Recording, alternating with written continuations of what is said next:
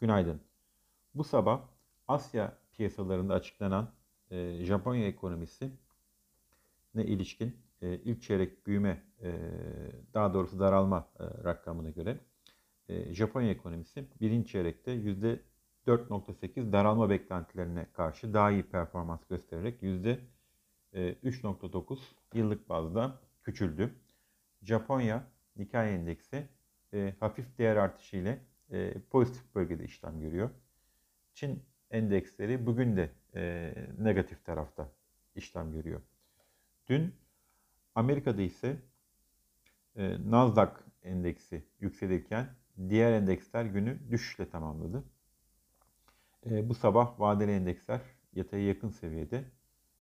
Ekonomik veri akışının zayıf olduğu dün, Cuma günü beklentilerin altına gelen Amerika'daki tarım dışı istihdam verisi sonrası Amerika'da 10 yıllık tahvil faizleri %1.56 50 seviyelerinde. Geçtiğimiz cuma veri öncesi %1.62 seviyelerinde işlem görüyordu 10 yıllıklar.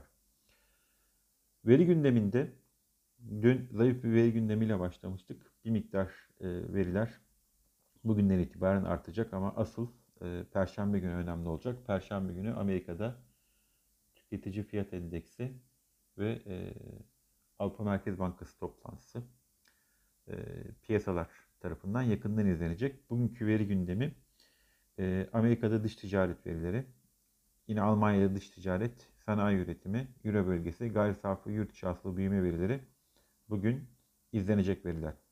Yurt içinde BIST endeksi dün uzun bir süredir geçmekte zorlandığı 20 günlük hareketli ortalama seviyesinin üzerinde kapanış yaparak yeni haftaya olumlu bir başlangıç yaptı.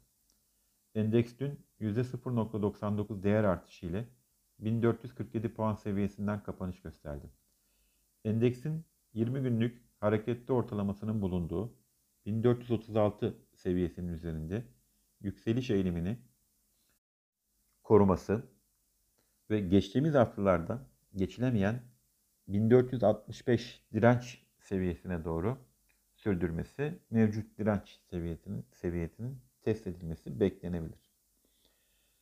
1465-1470 direnç bölgesinin geçilmesi durumunda ise teknik olarak yükseliş güç kazanabilir ve böylece e, önümüzdeki günlerde ya da haftalarda 1500 puan seviyeleri hedef konumuna girebilir.